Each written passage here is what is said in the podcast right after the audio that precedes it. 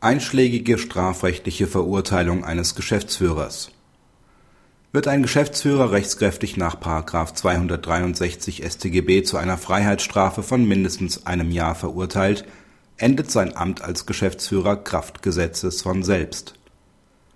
Nach § 6 Absatz 2 Satz 2 Nr. 3 lit e GmbH-Gesetz kann ein Geschäftsführer nicht sein, wer nach den § 263 bis 264a StGB oder den § 265b bis 266a StGB zu einer Freiheitsstrafe von mindestens einem Jahr verurteilt worden ist.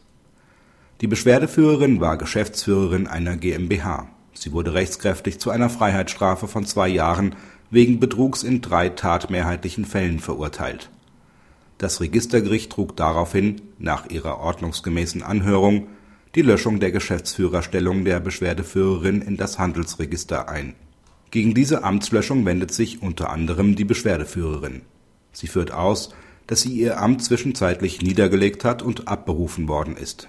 Es besteht ein rechtliches Interesse an der Veröffentlichung, dass die Amtslöschung gelöscht und die Beendigung der Geschäftsführertätigkeit durch Niederlegung erfolgt ist das OLG München weist die Beschwerde als unbegründet zurück. Es weist darauf hin, dass die Beschwerdeführerin nach § 263 StGB zu einer Freiheitsstrafe von mindestens einem Jahr verurteilt worden ist.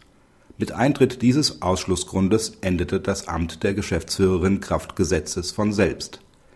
Die Eintragung der verurteilten Geschäftsführerin im Register war sodann materiell unrichtig. Sie war von Amts wegen zu löschen für die Eintragung einer Abberufung oder Niederlegung des Amtes als Geschäftsführerin im Register ist kein Raum, wenn die Eintragung dieses Geschäftsführers bereits von Amts wegen gelöscht ist.